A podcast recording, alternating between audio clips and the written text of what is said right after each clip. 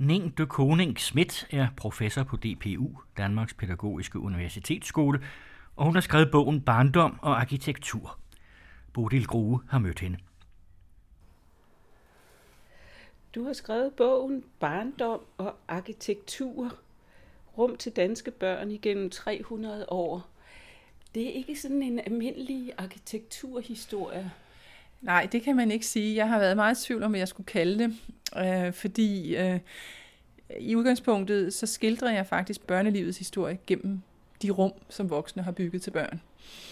Øh, og det er jo så den omvendte verden, kan man sige, at jeg går indefra ud, jeg ser på, hvad der er sket inde i husene, og hvilke formål husene har haft, og så prøver jeg så at se, har der så nogen, har arkitekturen støttet op om det. Øh, og det øh, er jeg så landet på efter mange forsøg at kalde øh, arkitektur kulturhistorie, altså hvor jeg krydser kulturhistorien med arkitektur og kunsthistorie. Så det er egentlig sådan barndommens historie, der er kernepunktet i... Ja, altså det, det, det må man sige. Det er et forsøg på at skrive øh, barndommens historie, men også at holde fast i, at børnelivet er blevet institutionaliseret med stort I her op igennem det 20. århundrede, og at der formentlig ikke er en befolkningsgruppe, der er bygget så meget til som børn. Mens samtidig må man så undre sig over, at meget af det byggeri har været så upåagtet i arkitekturhistorien. Altså bortset fra skoler tegnet af kendte arkitekter, så er det meget lidt, vi ved egentlig om de tanker og overvejelser, man har gjort sig om indretning af daginstitutioner, af børnehjem, af børneafdelinger, af feriekolonier og legepladser og familieboliger, især beskæftiger mig med det sociale boligbyggeri, altså hele børneværelsets fremkomst og den slags ting. Det har været et kæmpe materiale, du har haft med at gøre. Hvordan har du holdt styr på det? Ja, det må du nok spørge om. Det har været endeløst. Altså, jeg vil sige, vi startede jo på det i 2005, og der havde vi jo sådan en forestilling om, at det kunne klappes af på et år. Hvor svært kunne det være? Øh, og så startede jeg med at lave sådan nogle oversigter. Jeg havde også en student på, hvor vi prøvede at kigge, hvad der er skrevet og sådan noget. Og vi kunne efterhånden godt se, at der var skrevet meget lidt. Altså som jeg sagde før, mest om skolerne, og resten det var stort set ubeskrevet. Og så besluttede jeg og den fotograf, som jeg arbejdede sammen med, Jens Bygholm, at så måtte vi ud og se dem selv. Og så begyndte vi at køre rundt i Danmark, og øhm, når vi kørte rundt i Danmark, så fandt vi jo nogle ting, og så gik jeg hjem og researchede på det, og meget af det kunne ikke bruges, men det, vi blev alligevel vores, vi blev bedre. Det er jo ligesom, når man ser på kunst. Jo mere man ser, jo mere kvalificeret ser man. Øh, og det er det samme med arkitektur. Jo flere huse man har set, så ved man, når man står i et hus, eller udenfor det, så ved man bare med sig selv, det her, det skal det være. Og øh, så startede jeg med at have en idé om, at jeg ville skrive fra A til Z. Jeg ville skrive skolernes historie fra begyndelsen, fra den første skole, altså rytterskolerne der i begyndelsen af 1700-tallet og op til i dag. Og jeg ville gøre det samme med daginstitutionerne fra asylerne i 1830'erne og op til i dag. Og da jeg havde gjort det et kapitel, så kunne jeg bare se, at det duede ikke. Så jeg landede simpelthen på at skrive øh, syv essays i virkeligheden, hvor jeg tager udgangspunkt i syv forskellige typer af institutioner til børn. Altså det ene handler om skoler, det andet tager udgangspunkt i, en, i et, et daginstitutionsbyggeri og sådan i den dur. Sådan så husene kom mere frem, end, end, end de ellers ville have gjort. Men når I sådan er rejst rundt i landet og skulle afgøre, om en, en skoles eller en institutions historie nu skulle med, Altså, hvad, hvad kunne det så være for kriterier? Ja, men altså et af kriterierne, altså hvis du tager for eksempel sådan noget som, øhm, øh, hvad hedder det, øh, det der sanatoriet i Vordingborg, altså Vinterspølle Børnesanatorium, som er fra der 37-38, og som er resultatet af en stor landsindsamling, hvor man samlede ind i hele Danmark til det her kæmpe sanatorium. Så er historien er jo så god, Altså selve, øh, selve tilblivelseshistorien er så god, så der var slet ikke nogen tvivl i min sind, da jeg først havde fundet det, at selvfølgelig skulle vi have det med. Og det viste sig også, at der var et righoldigt kildemateriale i Landsforeningen til Tuberkulosens Bekæmpelsesarkiv på Rigsarkivet, så vi kunne simpelthen dokumentere øh, fra det første spadestik, fra de faktisk fik ideen, og til at huset stod der, og der var et fantastisk billedmateriale, altså historisk billedmateriale. Altså, så det har jo noget at gøre med, at nogle huse har en, en, en historie, som står bare og banker på, og lige venter på at blive fortalt, som aldrig er blevet fortalt. Og så er der jo andre huse, hvor man bliver så forbandet, så man simpelthen tænker, altså, det skal ikke snyde mig jeg skal simpelthen overliste. Det kan godt være, at det står der og holder på sin hemmelighed, og det kan godt være, at arkitekterne mener, at husene skal tale for sig selv, men det skal det ikke få lov til. Og sådan har jeg haft det med, med, med de centralskoler, som vi behandler, som er, som er tegnet af en tegnestue, der hedder Hed Folke Olsens tegnestue, der lå i Svendborg, øh, og som i 1974, da de lukkede, så kørte de, eller også var det 76, der kørte de det hele på lossepladsen, ud fra den der filosofi, at husene skal tale for sig selv. Og det tænkte jeg bare, det skal de altså ikke komme afsted med. Så blev jeg simpelthen så, så opsat på at dokumentere de der bygninger, og jeg er simpelthen drønet rundt, og så var jeg heldig, at Øh, staten havde en konsulent på skolebyggeri, og alle skolebyggerier skulle gennem konsulentens hænder for at få statsstøtte. Og det arkiv lå på det, der stadigvæk dengang eksisterede, der hed Dansk Skolemuseum. Nu ligger det på Rigsarkivet så på den måde kunne jeg så ligesom komme bagom. Ikke? Så det er lidt tilfældigt, hvordan, hvordan jeg er kommet, kommet bagom, men jeg har trukket store veksler på lokalhistoriske arkiver, på det Kongelige Biblioteks småtrykssamling, øh, huset her, vores Danmarks Pædagogiske Bibliotek, og så har jeg jo arbejdet i feltet i næsten 30 år. Jeg har jo ikke lavet, altså Altså, det har jo været en gennemgående tråd i mit arbejde, har jo været byggeri til børn. Så jeg havde meget altså på hylderne, altså Hans Erling Langkilde, som var professor på Kunstakademiet, han er i gang i 80'erne, jeg må det have været omkring 90, der gav han mig en stabel af ting og papirer, som han havde inspireret ham. Og jeg havde slet ikke, jeg havde slet ikke sans for det. Og pludselig, da jeg sad med det her, så tænkte jeg, hold da op, hold da op. Og så væltede det jo op, alt det Langkilde havde brugt der i 50'erne og 60'erne, da han selv tegnede skoler. Det behøvede jeg jo ikke gå nogen sted ind, for det, havde, det lå jo simpelthen på mine hylder. Så det er altså nogle tilfældigheder. Mhm. Så indtryk af, at du også har talt meget med en arkitekt, der hedder Tutti Lytken. Ja, altså jeg har, jeg har dyrket Tutti igennem år, mange år, øh, fra en gang i 90'erne, hvor jeg opsøgte hende første gang, og så har jeg ellers øh, været heldig, at hun har ville snakke med mig, og hun har også taget mig ud og vist mig noget af det, hun selv har tegnet. Og hun har jo lavet over 200 daginstitutioner, og er jo en af de her kvindelige arkitekter, som har været totalt skrevet ud af arkitekturhistorien, og så har jeg så prøvet at skrive hende ind. Uh, hun er en af de første kvindelige arkitekter, der får sin egen tegnestue, for eksempel der lige efter krigen, og hun har en enormt interessant historie. Og det gjorde også, at kapitlerne er bygget lidt forskelligt op, fordi jeg har i nogle tilfælde, sådan, jeg har jo både arbejdet med hende, og så har jeg jo arbejdet meget med Dorte Mandrups øh, ting også. Øh, og de to kapitler er jo ligesom bygget op over deres øvre, kan man sige. Altså ligesom sådan, jeg vil ikke sige en kunstnerbiografi, men, men det bliver det jo en arkitektbiografi, fordi jeg følger øh, deres øvre. Det gør jeg med Tutti, hun har så kun hovedsageligt tegnet til børn, hvorimod Dorte Mandrup har jo lavet andre, hendes tegnestue har lavet andre ting, men jeg vælger så at hænge mig i de ting, hun har, at øh, Mandrups tegnestue har lavet til børn. Ikke? Og det vil sige, at jeg får sådan ligesom sådan en rød tråd igennem det. Og det synes jeg egentlig er meget fint. At det, altså, det er jo ikke tilfældigt, at det er to kvindelige arkitekter, der laver ting til børn, fordi at det har simpelthen ikke øh, haft øh, status øh, at lave de der ting. Og, øh, og der kan man sige, at, at Tudi er jo sådan velfærdsstatens begyndelse, hvor man starter på at bygge institutioner, og Dorte Mandrup er jo så velfærdsstatens, jeg vil ikke sige afmontering, men, men man skal sige videreudvikling. Den forstand er meget, det hun laver, er jo ikke nyt fra bunden, det er jo renoveringer ovenpå noget, så man får de der arkeologiske lag, som jeg synes er meget interessante. Men hvis man så sammenligner de to, Siger det så noget om øh, forskydningen af, hvad, hvad barndommen skal være, hvad den gode barndom er? Ja, det, det synes jeg nok. Altså hvis man starter, hvor Tutti begyndte, nemlig det sociale boligbyggeri, da man byggede centrale institutioner, og institutioner var for fattige folks børn. Altså det var ikke et mainstream ting. Så kan man jo sige, at det Dorte Mandrums du laver, det er jo for alle folks børn. Og det er jo også meget tydeligt, at, at at så bliver på en eller anden måde, nu må sige, nu er det jo særligt, når man vælger en så kendt arkitekt, men, men, men så bliver øhm, arkitektur til børn, eller, eller øh, institution til børn, det bliver jo til arkitektur. Altså det bliver til kunst, altså bygningskunst, hvor man kan sige, at meget af det, Tutti startede med at lave, var jo meget mere ydmygt og meget mere funktionelt, fordi man skulle løse nogle helt basale sociale problemer i en fart. Man skulle have knaldet nogle institutioner op, og i Tuttis optik var det jo meget også et ligestillingsprojekt. Altså hun så det som en, en håndsrækning til mor og barn, øh, og ud fra sådan netop det der, øh, hvad skal man sige, efterkrigs ekspertunivers, altså at de vidste, bedst om, hvordan øh, små børn skulle have det, at de skulle have plads til at lege, og der skulle være rent og pænt, og alle de der ting, men børn skulle være selvhjulpende. Så det var øh, både et pædagogisk program, men det var også et socialt program. Og der kan man sige, at noget af det, man laver i dag, der er mange af de ting jo taget helt selvfølgeligt, og det vil sige, at der bliver i nogen grad mere plads men måske også behov for, at, at arkitektur til børn bliver arkitektur med stort A, fordi man på den måde så får manifesteret det her fællesskab, som mange råber på i senmoderniteten, altså alle børn, de flinter rundt, og forældrene tænker kun på deres egen lille Ole, eller Søren, eller Sofie, og der bliver arkitekturen så på mange måder, får sådan en funktion af sådan en samlende fællesskab.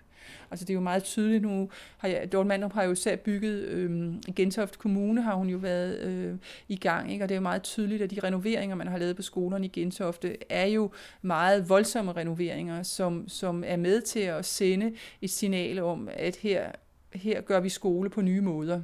Altså, det er ikke bare øh, måden, vi tænker skole på, der er ny, det er også de rum, vi skaber, som er nye. På hvad måde nye?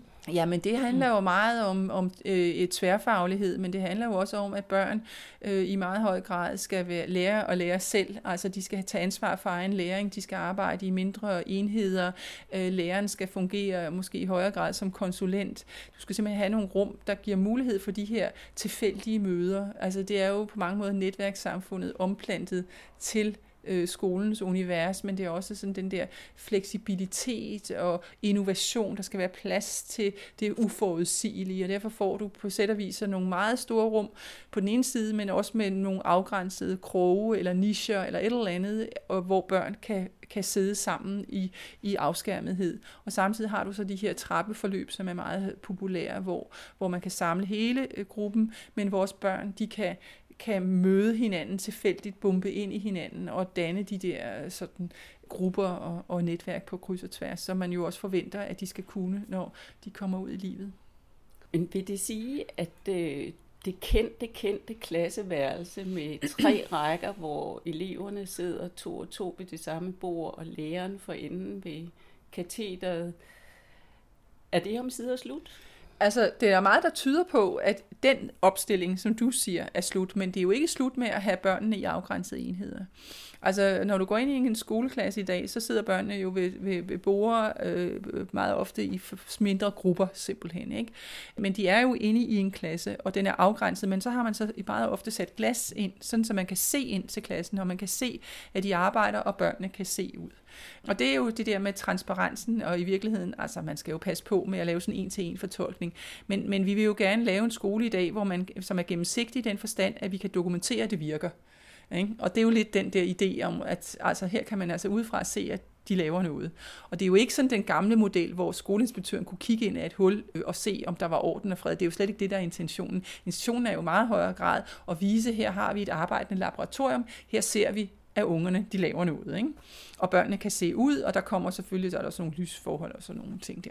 Men, men, men, men man har jo ikke, altså den gamle åben plan, som jo var meget populær i, i 70'erne, har man forsøgt i, i forbindelse med Hellerup skole, men har jo måttet sande, at man var nødt til at gøre noget ved de store gener, der kommer.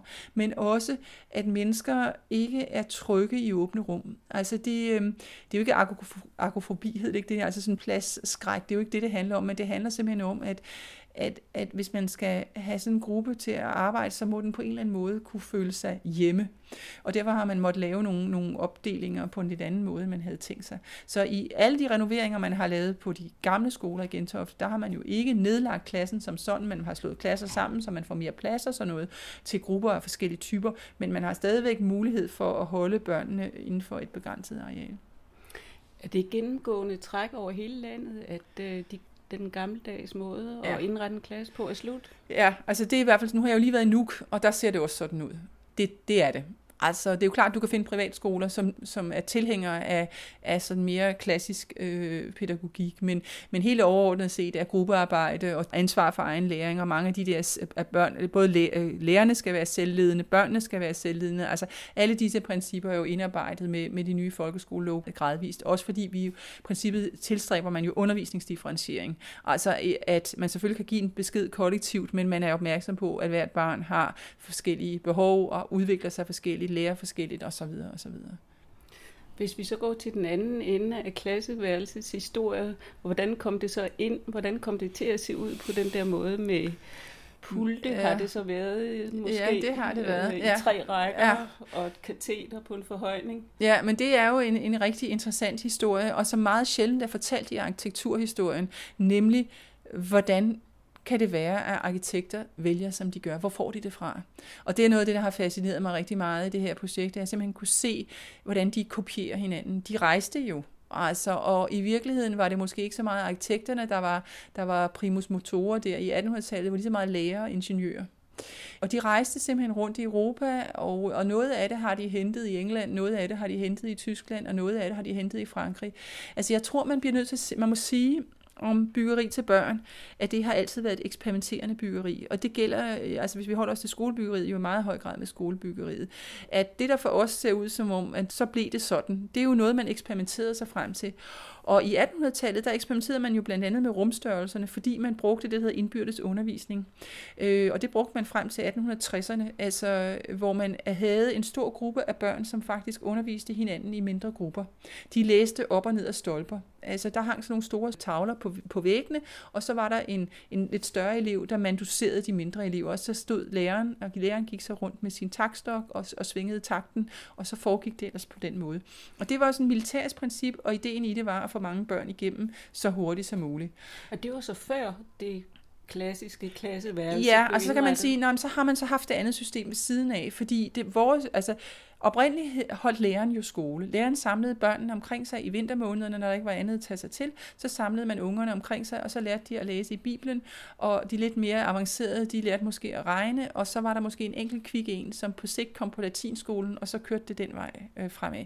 Så du har haft øh, begge principper. Altså i landsbyskolerne prøvede man jo også at institutionalisere den her indbyrdes undervisning. Men det var jo fuldstændig grin, fordi der sad måske 10 børn, ikke? og så skulle man køre indbyrdes undervisning med dem. Det hang jo ikke sammen. Men man gjorde det, fordi det ville kongen have. Efter det, jeg tror det er 1818, der kommer der sådan en, et dekret om, sådan skal det være, og så prøver man det, og det giver jo nogle fuldstændig absurde scener. Men i de store byer som København, der var jo ikke skoler.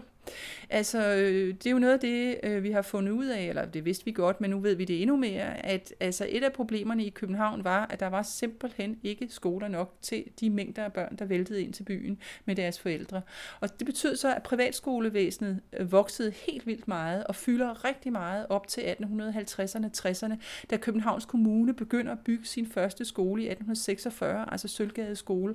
Og så bygger man fra 1875 og frem 25 skoler på 25 år. Og så begynder der at være offentlig skolegang, og så begynder man så gradvist at få squeezet alle de her private, mere eller mindre mærkelige, øh, ikke bare mærkelige, de var ikke mærkelige alle sammen, men mange af dem var meget tilfældige, fordi man har jo undervisningspligt i Danmark, så forældrene kunne efter 1855-56 selv forvalte det der. Og det vil sige, at mange forældre valgte jo en privat løsning, for så kunne de tage børnene ud, når det passede dem, og de havde brug for børnenes arbejdskraft. Så i København har man haft... Øh, også et, et mix. Men da man bygger de første skoler, så bygger man faktisk altså der, der bygger man dem både med sådan nogle kæmpe store lokaler til indbyrdes undervisning, og så nogle mindre klasselokaler til de her 36 elever. Og da man så gradvist får afskaffet indbyrdes undervisning, så begynder man så at holde fast i, øh, og, eller altså bygger man kun øh, klasseværelser. Når du så spørger til inventaret, fordi det her er jo også en interessant historie, hvor man tilbage, altså helt op igennem 1800-tallet og ind i det 20. århundrede, altså frem til 30'erne, har mange landsbyskoler jo haft haft et skoleinventar, som har været meget tilfældigt. Altså nogle lange borer, hvor børnene sad på en bænk, så sad der for eksempel 5-6 børn ved siden af hinanden, og så på et bord, de kunne hverken nå det ene eller det andet, og de kunne ikke, fødderne kunne ikke nå jorden, og de sad og rokkede og skubbede til hinanden og alt muligt. Det har jo været meget tilfældigt. Men så fra slutningen af 1800-tallet, så bliver tingene jo sat mere i system, og med folkeskoleloven 1899, der der er det jo klart, der er nogle forventninger, øh, stigende hygiejniske forventninger. Og efterhånden må selv det mindste sovneråd også efterkomme øh, de her forventninger. Men, men, men øhm, når vi så kommer ind i det 20. århundrede, så er det klart, at, at så begynder jo disse hygiejniske standarder at, at, at brede sig. Og så får du i stigende grad altså skoler, hvor du har luft og lys og ventilation, og du har rindende vand og håndvaske og, og sådan noget. Men inventaret er interessant, fordi Altså der fik man en masse inspiration fra Mellem-Europa for det, der hed skolehygiejnebevægelsen, hvor man arbejdede med øh, at, at lave skolemøbler i forskellige størrelser, så børn ikke fik vredet kroppen af led, men også så de ikke kunne sidde og lave alle mulige ting og sager nede under bordet, så der skulle være en vis form for gennemsigtighed i det der. Øh, og samtidig skulle man også have hensyn til disciplinen, så børnene skulle kunne stå op, når læreren kom ind i klassen. Og det var jo et problem, når der ikke er ret meget plads. Så for eksempel de københavnske borde, de blev lavet med plusafstand, så børnene kunne stå op inde i bordet, når læreren trådte ind i klassen arbejdspladsen. Og det er klart, det giver nogle ret uhensigtsmæssige arbejdsstillinger. Men det ene, altså det er jo sådan ligesom, øh, hvad, hvad er så vigtigst? Og katheteret, det, det kateter, man brugte i Danmark, det havde man importeret fra Sverige, altså det her forhøjet kateter, som er oppe på sådan en, en repo. Det var faktisk en svensk idé, som man så importerede til Danmark, øh, til København først, og så breder det sig. Altså, altså det er jo fantastisk, hvor det kører rundt i cirkler, og, øh, og den der rejseaktivitet, som datiden udfolder. Så det er meget svært at sige, hvor præcis de fik det fra, men det er sådan et, en sammenblanding af mange forskellige inspirationer. Altså den der pult med den skrå, ja øh, bordplade, som mm-hmm. man kan mm-hmm. skrive nemt mm-hmm. på, og et blækhus for mm-hmm. oven, og så en bænk, der sidder fast. Ja, lige præcis. Og, og den, også sådan nogle træmmer for neden, som kunne klappes op, når mm. der skulle gøres, gøres rent. Lige præcis. Øh, ved du, hvor det kommer fra, det møbel? Nej, altså det er jo, der er jo mange forskellige versioner af den. Altså litteraturen, hvis du går hen på vores bibliotek og slår under, under skolemøbler, så fylder det altså flere hyldemeter. Det var en kæmpe industri øh, med, med skolemøbler. Mange af dem blev jo lavet af de lokale håndværkere. Altså det var skole, altså når man fik bygget en, en, en, en skole, så var det jo meget vigtigt for lokalsamfundet, at det blev de lokale håndværkere, der fik entreprisen, og der ikke kom nogen udefra og gjorde det. Så meget af det er jo lavet øh, af lokale folk. Men, øh, men efterhånden, som der begynder at være firmaer, der Øh, der specialiserer sig i det, så er det jo ligesom skolemøbler i dag, så er der nogle specielle firmaer, der, der laver de der møbler. Men forbilledet stod i, i Mellem-Europa, i Østrig, øh, Ungarn og, og, og Tyskland og Frankrig, og, og, og hvor, hvor man fik idéerne fra. Altså der var masser af kongresser, skolehygiejniske kongresser, hvor der var kæmpe store udstillinger. Der var verdensudstillinger, hvor man udstillede skolemøbler. Altså der har været alle muligheder for at, at få de der idéer. Nu kalder du det, eller siger, det hedder skolehygiejnisk. Ja, den skolehygiejnebevægelsen. Øh, altså, det vil sige, at det, det vigtigste ved barndommen, det var, at den var sund og ren. Altså nu er hygiejne jo ikke norm- unormativt, kan man sige. Det er jo meget fyldt med normer og værdier. Altså jeg tror, at det der, man skal forestille sig en situation, hvor øh, København, altså vi er jo også i kloakeringens tidsalder, vi er i byplanlægning, altså hele spørgsmålet gadebredder, hvor mange baggårde må der være. Altså en tid, hvor børnedødelighed var øh, rimelig øh, til hemmelig høj. Øh, så på mange måder smitter det jo af på skolen. Da man bygger de der 25 skoler, så er det jo helt oplagt at gøre dem til sådan en slags sundhedsfæstninger, og forsøgsvis prøve at se, om man kan øh, dels undgå, at børnene smitter hinanden i skolen, altså at skolen ikke bliver en smitte kilde eller en smitterede som sådan, men også at man kan give børn nogle hygiejniske vaner, som øh, de så, man forestillede sig, at de så skulle tage videre med sig hjem i familien, men også præge dem for hele det resten af deres liv. Ikke? Så det var jo sådan et forsøg på at, at forbedre både pigerne og drengenes helbred ud af lidt forskellige årsager. Altså man ville jo gerne have god arbejdskraft, man ville også gerne have sunde rekrutter, og man ville jo også gerne have, have gode mødre til børnene. Og gymnastik, det er tidligt med ind i billedet? Ja, så for drengenes vedkommende er det jo med tidligt, og så kommer pigerne på ind, ind i øh, det 20. århundrede. Men, men, men i de pr- fine private pigeskoler, der havde man jo også pigegymnastik fra 1860'erne og 1870'erne, og der er mange private kvindegymnastikinstitutter. Øh, dem er der jo en del af. Øh, men, men sådan egentlig institutionaliseret, altså der kommer det først ind i det 20. århundrede. Det har også noget at gøre med faciliteterne. Det var jo kun i København, at man havde øh, bygget der i 1800-tallets anden del, eller, tre, eller sidste fjerde del, byggede man både drenge- og pigegymnastikceller, men ude i landsbyskolerne, der kommer det først med, med centralskolerne, og de kommer faktisk først fra 1950'erne for alvor. Men så har man jo gjort gymnastik i forsamlingshuset, man har gjort gymnastik ude på legepladsen og sådan nogle ting. Hvis du sådan kigger på hele historien, kan du så sige noget om, hvem der ligesom kommer først med, med nye holdninger til, hvad barndommen skal være, at den gode barndom er? Er det arkitekterne, der foreslår øh, for eksempel skoler eller institutioner indrettet på en bestemt måde, der kommer med det nye, eller er det lærere og pædagoger, der kommer med det nye, og så må arkitekterne indrette sig efter dem? Altså jeg synes faktisk godt, man kan sige, at arkitekterne mange gange har været øh, først. Øhm, jamen det synes jeg faktisk godt, man kan. Altså det mest... Øhm, hvis vi taler om skolebyggeriet, er der jo sådan nogle gründerperioder. Det er klart, at øh, rytterskolerne i 1720'erne havde et på mange måder religiøst øh, udgangspunkt, men også et, sådan et, et, altså et ønske om at, at, at forbedre rekrutterne og sådan noget. Men øh, altså, det havde sådan ligesom et statsræson øh, udgangspunkt.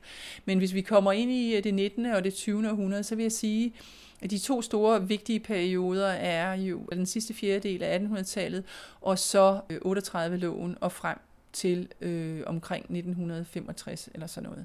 Altså, hvor man i den første periode bygger skoler i byerne, så bygger man skoler i landsbyen, og så gradvist også forstederne i den anden periode. Sådan så når vi når frem til cirka 65, så er Danmark ligesom befolket med skoler. Altså så er skolesystemet i princippet ens på landet og i byen. Det kommer jo først i 50'erne, og det har jo dels noget at gøre med krigens forsinkelse, men det har også noget at gøre med, at det først er med hvad hedder det, 38-loven og igen 57-loven, at man får lavet et ensartet skolesystem. Og det er jo fordi børnearbejdet fyldte så meget på landet, og ingen havde en forestilling om, at det skulle være anderledes. Øhm, men så kommer jo industrialisering og alt muligt andet. Alle kan jo se, at det dur altså ikke. Øh, og teknikerkommissioner, Sputnik-chok og alt muligt andet, og intelligensreserverne, det dur simpelthen ikke, at man har en stor del af befolkningen, der ikke har gået andet end i 7. klasse.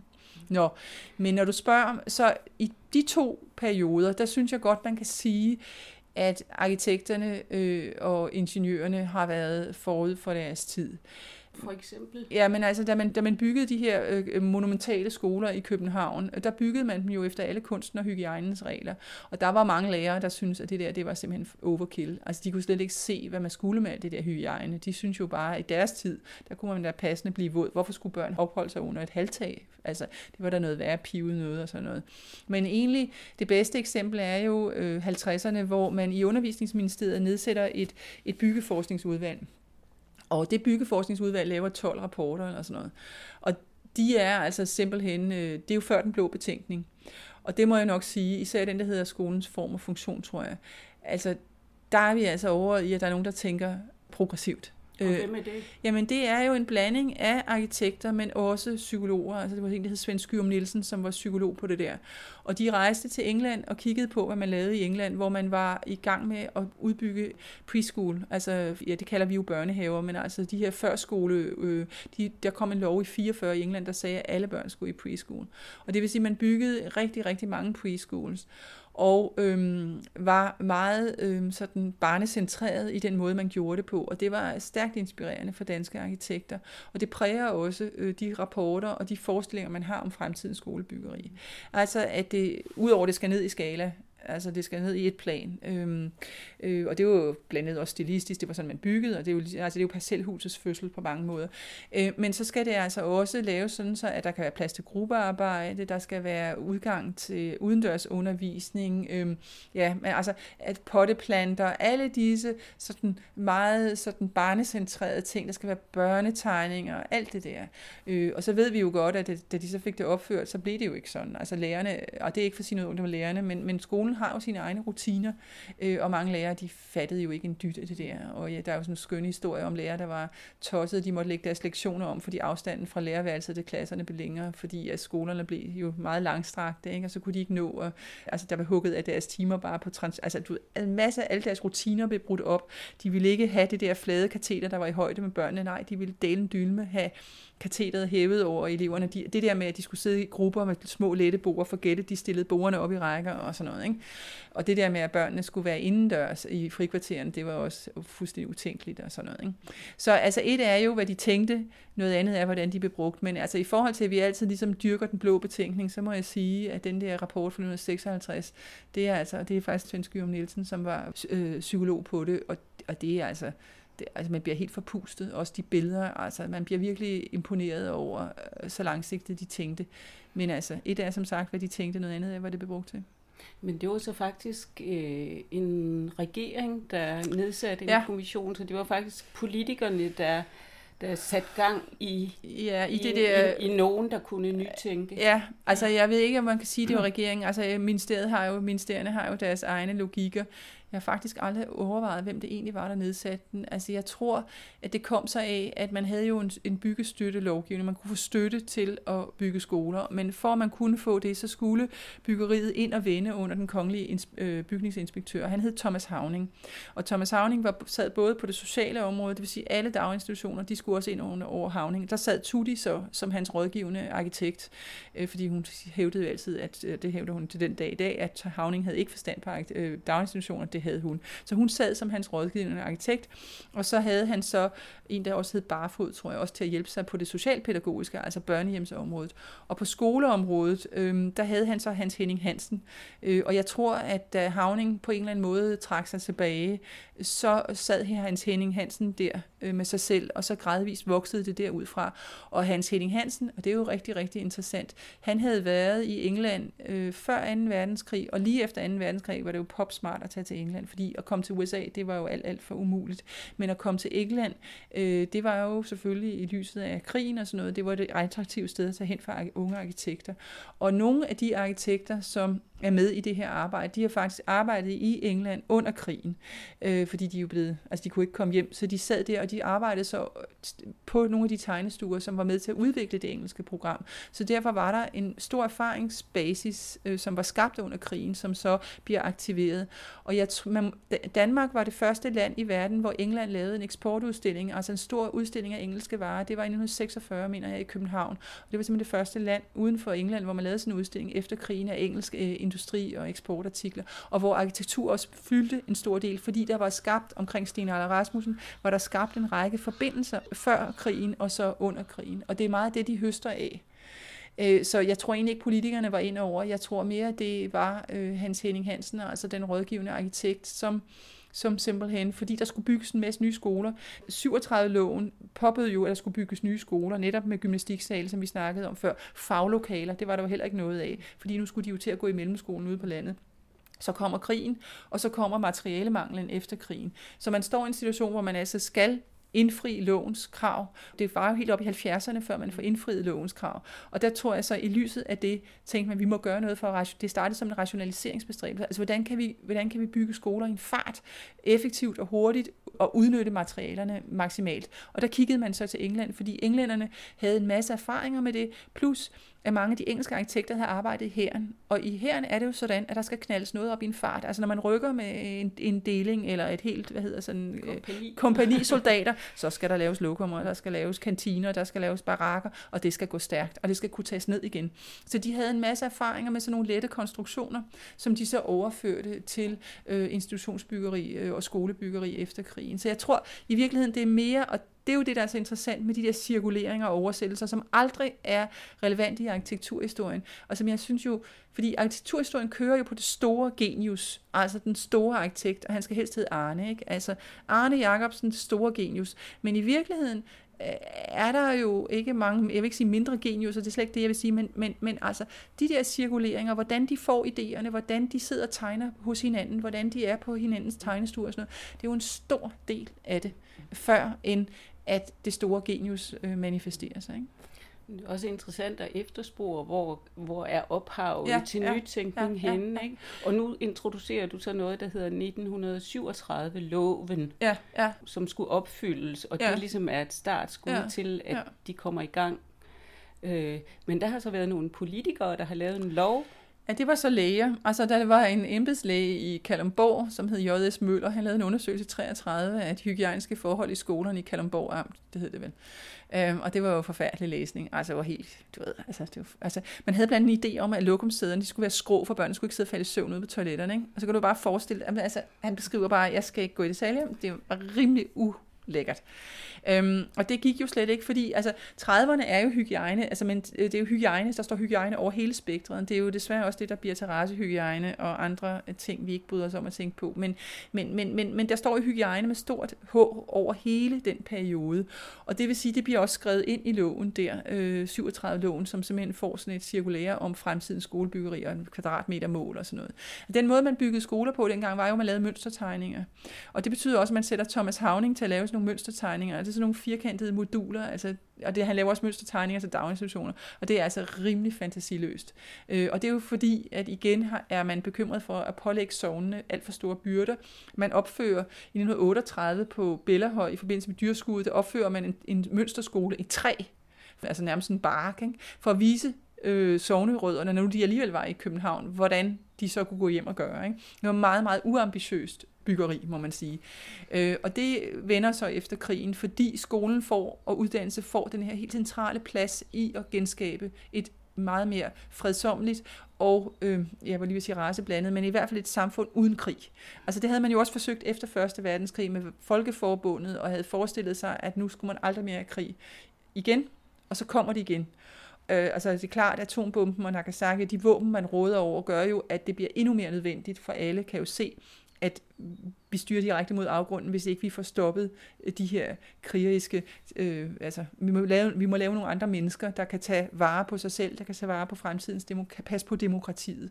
Og derfor får skolebyggeriet på landet, det bliver jo landet primært, fordi det er der, der er behov for skoler, og så efterfølgende i forstederne. Øh, der får de der skolebyggeri, ligesom faktisk det skolebyggeri, vi laver her i nullerne, den her sådan meget fællesskabsprægede danske karakter, altså med de røde sten eller de gule sten, og du kender det, når du kører i landskabet. De ligger som kæmpe høje, de er altid lagt højt, så de ligger og overstråler landskabet, fordi de skulle forene børn fra mange forskellige zone. Ikke? Så I centralskoler. De her centralskoler. Det får en fantastisk øh, betydning, og derfor var der også rum til at lade sig inspirere, øh, og de brugte jo relativt mange penge, både på selv at rejse ud, men også at få nogle engelske arkitekter til Danmark, som så øh, prøvede at rådgive dem omkring, hvordan kunne man lave skoler inside out, som de sagde, altså med udgangspunkt i børnenes behov. Men de centrale skoler der, som man mest tænker på 50'erne mm. med, de er altså tilbage til en lov, der blev lavet i 1937. Ja. Og den var du så ved at sige, at det var faktisk en læge, der... Ja, nå ja, det var det, jeg vil sige. Ja, altså fordi det der med politikerne, altså, jeg, altså det er jo noget af det, vi har diskuteret en del. Nu sidder vi jo med det her store projekt, hvor vi skildrer skolens historie fra middelalderen til i dag. Øh, og det man jo hele tiden har en fornemmelse af, den måde skolehistorien er blevet skrevet, den er jo beskrevet med udgangspunkt i politiske niveau. Det er politikerne, der bestemmer. Men når man kigger på det, så må man sige, at politikernes indflydelse er meget ofte reaktiv. Altså, de kan simpelthen ikke presse noget. Det skolevæsen i Danmark har jo altid været decentralt. Det har været lignet, som det hed, på bønderne. Det er bønderne, der skulle bygge skolerne, det var, og det er også derfor, det tog sin tid. Ikke? Fordi der var andre ting, der var vigtigere. Og bønderne var ikke til sinds altid at betale eller yde de ofre, som var nødvendige for at få en, en ny skole, hvis den anden var ved at falde sammen. Der er masser af historier om det. Så altså, altså det politiske niveau, det er ikke fordi, jeg vil frakende dets betydning, men der sker rigtig meget ude lokalt. Og man var jo faktisk begyndt at bygge andre typer af skoler. Det kan vi se, når vi kigger på bladet Folkeskolen. Der er jo reportager for skoleindvielser, og der kan du simpelthen se, at man allerede gennem 20'erne begynder at bygge det, man kalder centralskoler. Og mange af de hygiejniske principper, som kommer med øh, 37-loven, de er der. Håndvaskende, ja, tavler, der er malet direkte på væggen, så der ikke er en kant, hvor der kan lægge sig nuller med skolebord en anden ty, mere lette skole, altså øh, lys, øh, flere kvadratmeter, en bedre bolig til læreren. Altså mange af de der ting, de kommer pø om pø. Øh, så da J.S. Møller laver sin undersøgelse der i 33, der i, i Kalundborg og dokumenterer det der, så er tiden på mange måder reddet til ligesom at sige, okay, vi må altså se at få træk og slip i skolerne. Vi må have håndvaske. Altså alle de her ting, som vi opfatter som den rene selvfølgelighed. Øhm, så det politiske niveau er bestemt vigtigt. Jeg er ikke ude på at sige, at det ikke er vigtigt, men jeg vil sige, at politikerne har svært ved at handle, før end der er en eller anden form for klangbund øh, lokalt. Altså fordi vi har jo rammelovgivning i, i Danmark, og derfor man simpelthen, altså de kan jo ikke lovgive i detaljen. De kan forsøge med hjælp af cirkulære og sådan noget, at sætte kontrolsystemer op, så der er embedslæger, der er ude og kontrollere. Men stadig må man jo bare sige, altså jeg har jo et eksempel i mit bog fra Ryslinge der i 50'erne. Embedslægen vidste jo godt, at jeg tror, øh, altså, at skolen lå lige oppe af kirkegården, og det flød med, med vand, der måske var inficeret med alt muligt. Han vidste det godt, men som han jo er citeret for at have sagt, at de kom på besøg fra København, jamen det skulle jo gå. Ikke? Altså Sognerådet havde planer om at bygge, men, men man skulle altså lige have penge nok, og bla bla bla bla. Ikke? Så vi prøver i hvert fald, og det gælder også den her bog, altså jeg prøver at skildre det øh, en mere, hvad skal man sige, politik i praksis i virkeligheden, og mere optaget af lokalpolitik, altså hvordan de lokale sovneråd forvaltede de budskaber, som lå i tiden, altså omkring, hvordan en skole skulle være og sådan noget, frem for ligesom at have hovedet, eller blikket fokuseret på Christiansborg og de skiftende undervisningsministre og sådan noget. Så vil du sige, at det er arkitekterne, der er innovatørerne, dem der sætter gang i det nye? Både ja og nej. Altså jeg synes, der er perioder, og det gælder også her de sidste i nullerne, og der er egne af Danmark, hvor man må sige, og også i Nuuk, hvor jeg lige har været, altså man kan simpelthen ikke frakende arkitekturen, at den ikke spiller en rolle. Altså hvis du ser på den grønlandske skolereform fra 2004, hvor man har forsøgt at lave en skole, som mm, er tilpasset det, man kalder de oprindelige folk, altså som på mange måder minder om skub, altså Gentofte Kommunes øh, sådan, øh, en, en borgerlig innovativ øh, forsøg på at lave en innovativ skole, der, der rummer fleksibilitet og, og globalt udsyn, men så samtidig også har den sådan en, et element af øh, øh, oprindelighedspædagogik, altså en forestilling om, at oprindelige folk, såkaldt oprindelige folk, de lærer bedst med hands-on og sådan noget. Og man så kigger på den arkitektur, der bliver bygget til øh, den her pædagogik, så kan man altså ikke frakende andet end at sige, at den støtter op om den pædagogik. Og der er et samspil, som er meget markant, synes jeg, mellem øh, arkitekturen og pædagogikken, og at på mange måder pædagogikken bliver forlænget ud i arkitekturen, og arkitekturen på mange måder også er med til at understrege de pædagogiske intentioner øh, og nytænkninger, som ligger både i skub for eksempel og i, i den grønlandske øh, skolereform. Ikke? Så jeg synes, øh, jeg synes også, man har eksempler på, øh, på nogle måder, at at, øh, og det gælder måske på daginstitutionsområdet lidt mere, at, at vi har eksempler på meget arkitektur til børn, som ikke er specielt fornyende, og som er mere er borget af nogle øh, økonomiske hensyn, altså hvor kvadratmeterne bliver alt for få, og det bliver ualmindeligt uhensigtsmæssigt indrettet, osv. osv. osv. Så det er jo ikke altid, det er sådan. Men lige præcis på skoleområdet, synes jeg, at der er mange eksempler på, at man at øh, arkitekturen øh, får den her øh, signalværdi, altså understøtter, at her foregår noget andet, eller her vil vi noget andet. Og det gælder jo også de der øh, kasernelignende skoler, som er i København i dag. Altså vi tænker dem jo ikke sådan, fordi vi, vi cykler forbi dem hver eneste dag, og de har altid set sådan ud. Men da de blev bygget, var det jo også øh, øh top, pop, moderne og død progressiv øh, byggeri. Ikke? Men du siger alligevel støtter op om pædagogikken, mm. så er det pædagogikken, der er først? Altså igen vil jeg sige, at noget af det, som jeg synes, jeg har fundet ud af, det er, at det er ikke et enten eller. Altså det er ikke den, der er ikke noget, der er først her.